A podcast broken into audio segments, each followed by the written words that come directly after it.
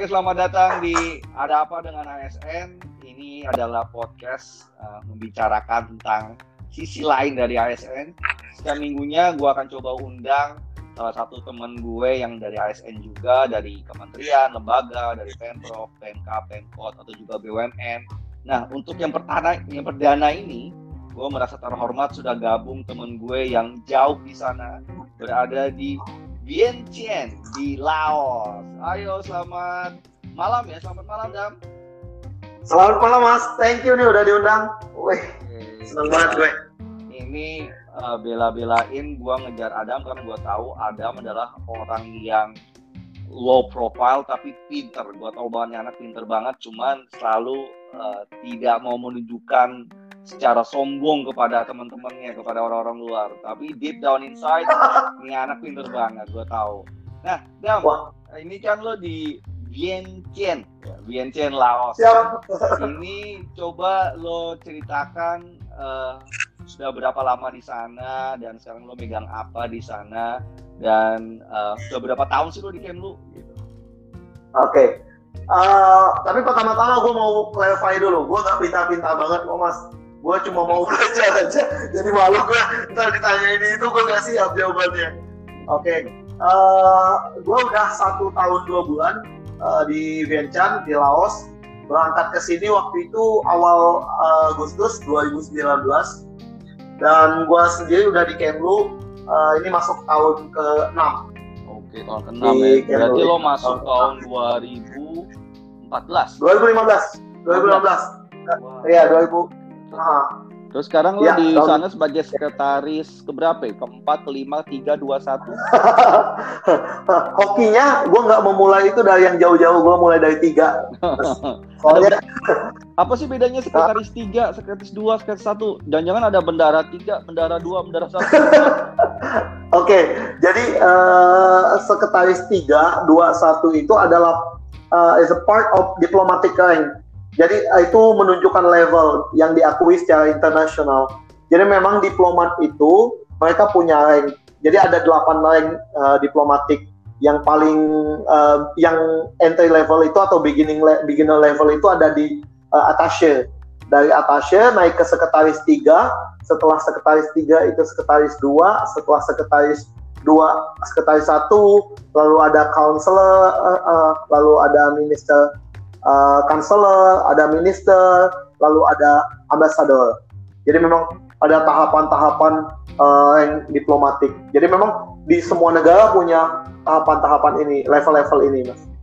Iya karena bayangan gue kalau dengar sekretaris sekretaris tiga, sekretaris dua, gue bayanginnya perempuan-perempuan cantik gitu dam. Tapi sekretaris tiga ini laki-laki loh di KBRI ini ya. Ternyata eh, laki-laki yang sekal-sekal ya. nah lo megang apa di sekretaris tiga itu? Tanggung jawabnya apa? Di, di bedanya dengan sekretaris dua, sekretaris satu apa? Karena kalau yang kalau gue yang awam ya, yang gue tahu itu kan mm-hmm. ada yang megang fungsi politik, fungsi apa, mm-hmm. budaya, fungsi protokol. Lo sekretaris tiga mm-hmm. itu megang apa, Dam? Jadi uh, di setiap perwakilan RI di luar negeri itu ada yang namanya KBRI, uh, eh, KJRI dan konsulat itu memang ada fungsi-fungsi tertentu. Nah, ada fungsi ekonomi, ada fungsi politik, penerangan dan sosial budaya, serta fungsi uh, perlindungan WNI dan Badan Hukum Indonesia. Nah, gue di Laos itu dikasih kepercayaan buat handle urusan economic affairs. Jadi yang menangani hal-hal terkait dengan ekonomi lah. Tapi tetap uh, kita juga kalau ada kegiatan-kegiatan uh, saling bahu membahu lah. Tapi untuk uh, posisi, alhamdulillah gue dipercayain buat handle ekonomi. Ini kalau udah keterima di Kemlu, ini emang langsung ditempatin luar negeri hmm. atau ada masa proses di kantor dulu lah lo di Indonesia dulu di Jakarta dulu jangan keluar keluar negeri atau emang gimana sih proses oh, sampai akhirnya okay. ditempatin luar negeri itu gimana? Oke, okay. jadi uh, kalau masuk Kemlu itu sama kayak kita beli nanas kalengan bang. Jadi lo tahu kan nanas itu size-nya pasti beda-beda. Mm-hmm. terus tiba-tiba mereka bisa fit di satu kaleng yang sama. Begitu lo beli nanas kalengan itu fit di satu kaleng yang sama ukurannya sama rasanya sama. Gitu pun masuk Kemlu Jadi awalnya kayak gue nih orang yang sebenarnya basicnya ekonomi. Banyak juga teman-teman gue yang punya basic sastra asing, punya basic hukum internasional, punya basic uh, macam-macam lah.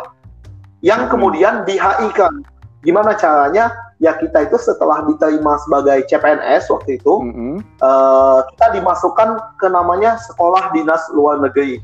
Itu alamatnya di uh, Jalan Asia Afrika di dekat uh, patung Oh iya iya Senayan uh, itu ya Senayan. Nah, betul betul. Jadi di situ orang-orang yang belum punya latar belakang HI disekolahkan dulu selama kurang lebih uh, satu tahun masuk ke asrama itu. Full tuh satu tahun tuh? Uh, enggak enggak full, uh, kurang lebih satu tahun karena ada ada juga sama kayak PNS, uh, ASN, ASN uh, di kementerian lain ada yang namanya pajak, ada yang namanya uh, kalau kami magang-magang, ada yang namanya uh, belajar masuk kelas benar-benar. Jadi di di sekolah dinas luar gitu. dihaikan di sekolah itu. betul. Oke. Okay. Betul, betul. Kayak nanas tadi, nanas yang gede-gede pokoknya harus fit di satu kaleng yang sama. Karena kita kan membawa visi yang sama kan. Uh -huh. Jadi kita itu di ya gimana dia bisa uh, jadi calon atau orang-orang yang bisa merepresentasikan uh, kepentingan kita di luar negeri. Hmm. Nah, sekarang jadi terlibat setahun pelatihan. Setelah itu uh, gimana ya? Langsung ke luar negeri kah atau gimana? Nah, setelah kita di uh, lulus dari sekolah dinas luar negeri atau sekdilu, kita mulai ditempatkan di unit-unit dulu, mas. Jadi kita masuk ke, ke, ke Kemlu, kembali ke Kemlu, tapi kita nggak tahu nih ke unit mana yang uh, akan menjadi tempat bekerja kita. Nah, kalau di angkatan kami, kami ini adalah angkatan uh, Sekdilu 39. Jadi di angkatan kami waktu itu uh, direktur sekolah dinas luar negerinya memberikan kesempatan bagi kami untuk menyampaikan uh, preferensi. Oh, Jadi kalau kampanye ya. Uh, Nah, betul. Jadi kan di Kemlu itu sebenarnya meskipun Kementerian Luar Negeri di dalamnya kan ada unit-unit yang lebih spesifik menangani isu-isu tertentu. Let's say ada unit yang menangani hubungan ASEAN, ada unit yang menangani hubungan bilateral Indonesia Malaysia, hmm. ada unit yang menangani hubungan uh, internasional uh, mengenai organisasi internasional UN, uh, eh, OKI, organisasi kerjasama Islam, bla bla bla. Ada juga yang menangani hal-hal uh, protokoler seperti uh, kayak lo dulu ya. Kunjungan. ya, ya betul betul betul. Ini kan yang mempertemukan kita. Oke. Okay, yeah. yang kayak kayak gitu. Tapi nggak uh, semua preferensi yang kita sampaikan itu uh, sesuai dengan kebutuhan. Jadi ada orang yang menyampaikan keinginan untuk bisa ditempatkan di ASEAN, tapi dalam apa pada praktiknya dia justru ditempatkan di uh, bilateral di uh, hubungan antar negara. Misal Indonesia uh, bilateralnya dengan Singapura atau Malaysia, justru dia menangani spesifik uh, untuk satu negara tertentu. Jadi hmm. memang uh, bervariasi sih mas. Jadi kadangkala kita mendapatkan apa yang kita inginkan, kadangkala kita mendapatkan sebuah tantangan. Itu semua tergantung siapa? Kan? Semua tergantung pimpinan. Uh, semua tergantung, uh, semua tergantung kepentingan negara. Kalau kalau menurut gue ya, karena kan bisa jadi kita ingin masuk ke satu unit itu, tapi sebenarnya kita dibutuhkan di unit yang lain. Okay. Dan ini sebenarnya fleksibel karena akan ada rotasi juga kalau memang uh, performa kita bagus di satu unit tertentu, tentu unit yang lain kan akan uh, akan melihat juga kan. betul, betul. okay. Nah ini oke, okay. jadi ditempatkan di unit sesuai preferensi bisa ataupun bisa juga diambil oleh mm-hmm. unit lain. Nah pas masuk Betul. penempatan kayak lo sekarang, ini uh, apa yang menentukan lo di Eropa lo di Asia, lo di Amerika Selatan, misalkan lo di kepulauan Pasifik yang kecil itu, apa sih okay. yang nentuin itu, dong? Uh, balik lagi, semuanya semuanya itu ditentukan selain uh, peminatan, selain kepentingan uh, negara itu juga ditentukan oleh takdir kalau menurut gue ya bang. Karena uh, faktor karena betul faktor invincible handnya Allah itu berpengaruh di sini. Okay. jadi uh, bilang aja kayak, lo pengen di Eropa sebenarnya.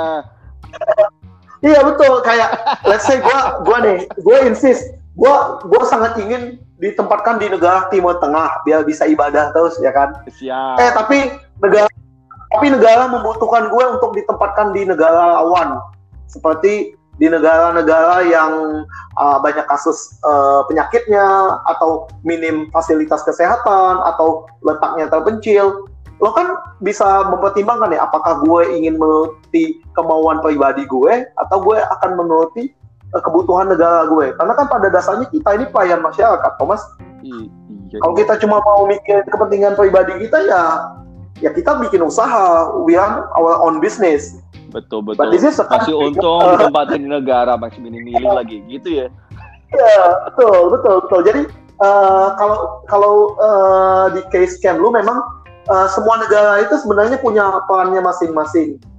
Kayak ini, let's say eh, Malaysia. Malaysia itu kan posnya perlindungan WNI dan BHI. WNI dan Badan Hukum Indonesia yang di luar negeri. Karena banyak banyak banget tenaga kerja kita yang eh, menggantungkan hidupnya di negara-negara seperti Malaysia, Ho- eh, Timur Tengah, dan Hmm. Hong Kong. Eh, nama di na- nama pos-pos. lainnya apa sekarang? Nama lain TKI kalau nggak salah ada perubahan nama gitu. Apa sih namanya? Eh, pekerja migran Indonesia (PMI), pekerja Oh, migran Indonesia. Oke, biar orang-orang Iya. tahu nih, Oke. PMI itu bukan cuma palang merah, tapi pekerja migran Indonesia. Betul, betul. Jadi memang eh, setiap negara itu memeran- memegang peranan penting. Jadi eh, justru banyak sekarang eh, yang yang orang-orang yang benar-benar suka tantangan itu mencari eh, hardship post eh, istilahnya adalah negara-negara yang punya tantangan tersendiri seperti Afghanistan. itu request. eh, iya. Itu di open, open, open bidding istilahnya. Oh, oke. Jadi negara-negara seperti itu diberikan kesepakatan bagi orang-orang yang ingin punya, yang ingin menjajal dirinya untuk uh, berkarya atau mengabdikan diri di negara-negara itu. Karena mungkin nggak semua orang akan sanggup mas ditempatkan di negara-negara yang punya tantangan seperti itu kan. Nah, tapi kan gue pernah dengar nih Dam, yang hardship itu Oke, mereka misalkan ambil dan di- ditempatkan di sana.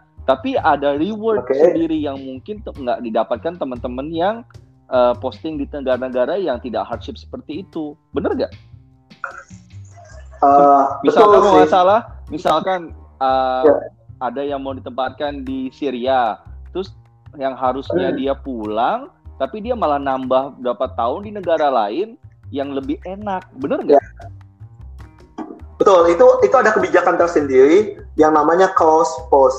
Tapi memang Mas, yang namanya orang yang sudah rela untuk ditempatkan di tempat yang seberbahaya itu atau terlalu berisiko, ya why not we give them like Iya, compensation. bener Karena bener. kan eh, mereka, mereka rela loh untuk meninggalkan keluarga, mereka rela untuk risking their life ditempatkan di negara yang mungkin lo kalau tidur itu nggak ada jaminan bener, bisa bener. tidur nyenyak karena dentuman bom kayak di Syria teman-teman gue yang di Syria di Syria itu benar-benar struggling struggling.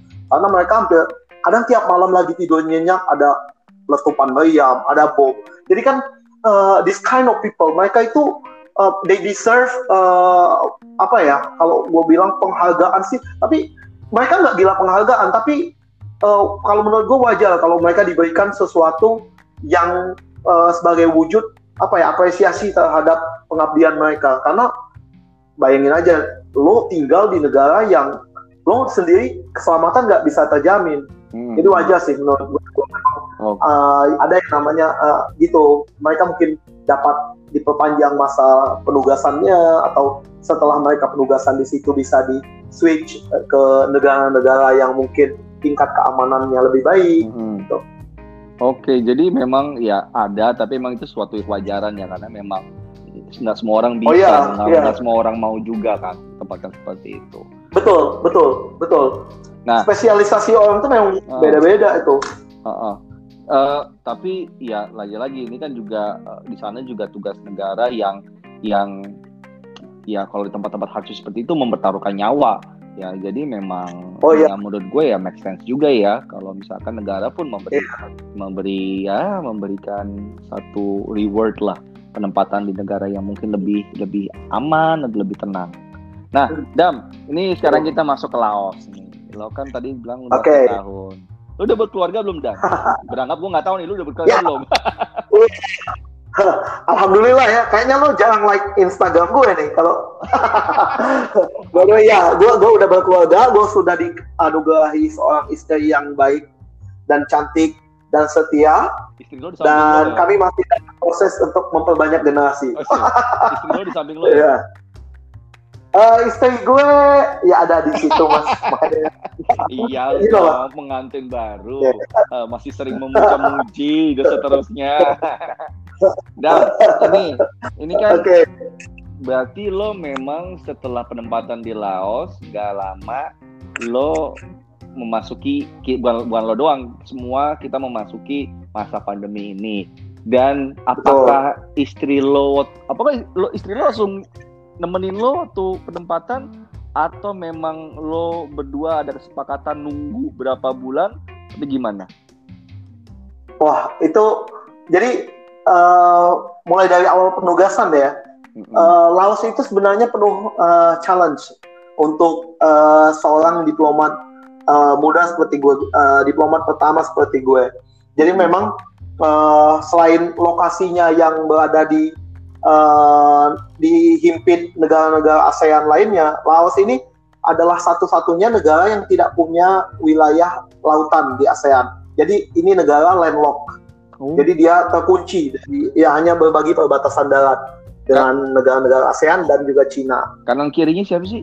Kanan kiri atas bawahnya? Jadi di di utara dia berbatasan dengan Cina, di timur dia berbatasan dengan eh, Vietnam, di barat laut dia berbatasan dengan eh, Myanmar, di barat dia dengan Thailand, di selatan dia berbatasan dengan Kamboja. Jadi memang eh, dari awal gue berangkat, awalnya gue berangkat sendiri karena istri waktu itu juga masih eh, berkarir dia di eh, instansi eh, pemerintah juga. Mm. Jadi waktu itu kita memutuskan untuk ya udah kita jalani dulu eh, biar gua belajar pelajari dulu eh, tentang Laos gimana ke depannya. Mungkin nanti setelah ideal eh, timingnya udah pas baru dia join. Eh setelah dia setelah beberapa saat gue di sini terjadi situasi kayak sekarang kan pandemi. Mm-mm. Nah, memang Laos ini udah udah masuk ke bulan ke-7 ini. Mereka mengalami lockdown karena lokasinya sebagai landlocked country, mereka juga mau nggak mau terkunci karena negara-negara di sampingnya juga masih menerapkan eh, lockdown. Jadi memang Lao- sampai saat ini Laos masih menutup diri ini Mas. Cuma ada beberapa eh, penerbangan khusus eh, terkait kemanusiaan aja yang masih yang baru bisa mengakses Laos. Nah, nah, Jadi istri lo kan berarti eh, sekarang udah nyusul nih. Itu eh, gimana prosesnya? Kata lo bilang lockdown nih, dikunci nih. ya Gimana kok Betul. bisa akhirnya Jadi- nyampe ke sana? ya eh, thanks to invincible hand tadi bantuan Allah, bantuan Tuhan ya. Jadi memang eh, memang penerbangan sangat dibatasi kan di Laos. Beruntung ada yang namanya World Food Program. Itu salah satu program dari UN yang menerbangkan eh, para ahli, relawan, dan korps diplomatik. Jadi waktu itu memang istri gue itu punya kesempatan untuk ikut flight itu di bulan September. Jadi setelah hampir eh, 9 bulan kita menjalani long distance marriage. Jadi udah 9 bulan kita nggak ketemu, cuma video call. Jadi istri gue dapat kesempatan ini untuk join eh, pesawat khusus ini, pesawat UN, pesawat kemanusiaan. Jadi istri gue berangkat dari Indonesia di bulan Hmm. September setelah Indonesia juga mengalami eh, apa pengetatan akses dia terbang ke KL dari KL istri gue baru harus transit dua hari baru bisa nyambung ini ke Laos jadi memang cukup panjang perjalanannya dari La- dari KL dia ke Myanmar dulu Mm-mm. dari Myanmar ke Laos Udah kayak road trip. jadi iya benar. Udah kayak ini kayak busway. Banyak terminalnya banyak halte yang harus di stop Berapa jam total akhirnya dari dari Indonesia sampai ke dari Laos? Indonesia sampai ke itu butuh tiga hari. Tiga hari. tiga hari. Tiga hari betul. Dari Jakarta dia harus transit di KL selama dua malam. Eh, dua hari dua malam. Dari KL dia harus terbang dulu ke Myanmar. Dari Myanmar dia baru bisa terbang ke Laos. Jadi memang uh, untuk sampai ya ini ini salah satu challenge-nya untuk bertugas di negara seperti ini negara landlocked Waduh. Gua tapi bilang, untungnya happy sponsor. ending ya. Happy ending langsung. Jadi pas pas landing ketemu udah kangen-kangenan dong langsung udahlah. Udah, Eh, it's not ends there. Jadi emang eh, eh, enggak, belum di situ. Jadi eh, apa namanya setelah tiba di sini istri gue harus ikut protokol kebijakan protokol kesehatan versi Laos. Dia harus masuk ke karantina selama dua minggu. Jadi di sini karantinanya dua minggu. Begitu tiba di bandara itu langsung dikawal oleh pemerintah Laos, dijemput, Heeh. langsung ditempatkan di hotel atau di pusat tem- karantina setempat. Jadi istri gue masuk ke karantina waktu itu. Dan itu semua disiapkan oleh pemerintah Laos atau itu Nah itu kita itu kita yang sendiri cover, kita sendiri yang betul Oh, kita sendiri yang siapin. Mereka siapkan, tapi untuk fasilitas eh, warga negaranya yang Hmm. yang itu pun eh, mungkin eh, ada risiko-risiko yang akan kita tanggung sendiri kayak jaraknya mungkin jauh, terus faktor komunikasinya mungkin karena orang di sini kan lebih prefer berbicara dalam bahasa setempat kan. Mm-mm. Jadi kenapa kita kita lebih pilih untuk di uh, di fasilitas kesehatan kayak hotel-hotel yang memang udah dipilih juga oleh mereka. Hmm, tapi sekarang udah happy ending ya. Akhirnya semua happy. tahapan itu dilewatin. Tiga hari penerbangan happy. plus dua minggu karantina. Gila gila Iya. luar biasa. Uh, I, I I call it happy on progress, mas. Karena I don't want uh, this uh, to end. Jadi I call it happy on progress. Jadi Happy on happy wow. Never ending happiness. Mungkin itu. Iya, as, as, mirip seperti itulah. Nah, ini tadi lo bilang tadi emang masyarakat sana memang prefer untuk ya lo ngomong tadi bahasa ya. Mereka memang ya lebih Hmm. nyaman pastinya ya ngomong dengan bahasa mereka. Nah, ini gue kurang, gue sama sekali nggak tahu tentang Laos. Gue cuma tahu ibu Hmm. kotanya mirip dengan nama Vietnam, Vientiane itu. Nah, mereka itu ngomongnya gimana? Bahasanya apa? Apakah mirip Thailand? Yang kalau ngomong itu orang semua atau gimana sih? Oke, jadi memang eh, Laos itu eh, secara politis mereka lebih condong ke Vietnam karena mereka menganut sistem satu partai. Tapi secara budaya mereka lebih condong ke Thailand karena eh, di masa lalu memang eh, ada ke tarik ulur budaya lah antara Laos dan Thailand.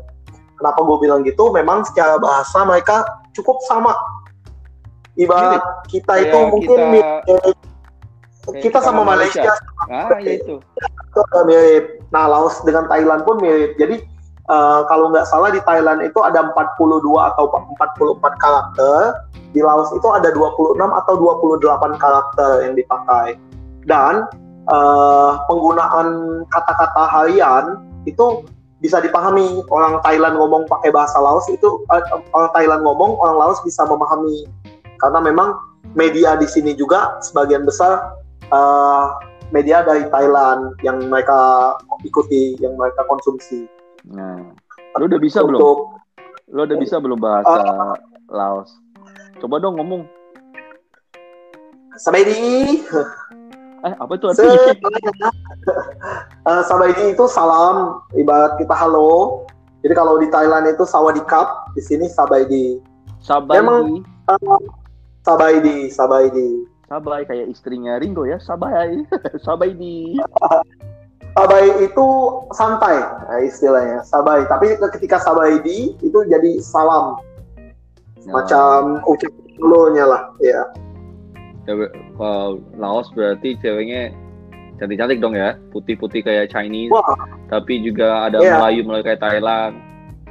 Ya, itulah kenapa negara-negara di kawasan ini itu disebutnya Indo-China Hmm. karena memang uh, mix uh, ras uh, Mongoloid itu mix dengan uh, ras-ras Melayu. Jadi kayak masih ada tarik ulurnya. Dia lebih untuk warna kulit memang lebih cerah, tapi perawakan sebagian untuk bentuk muka itu masih uh, ada kemiripan dengan Melayu.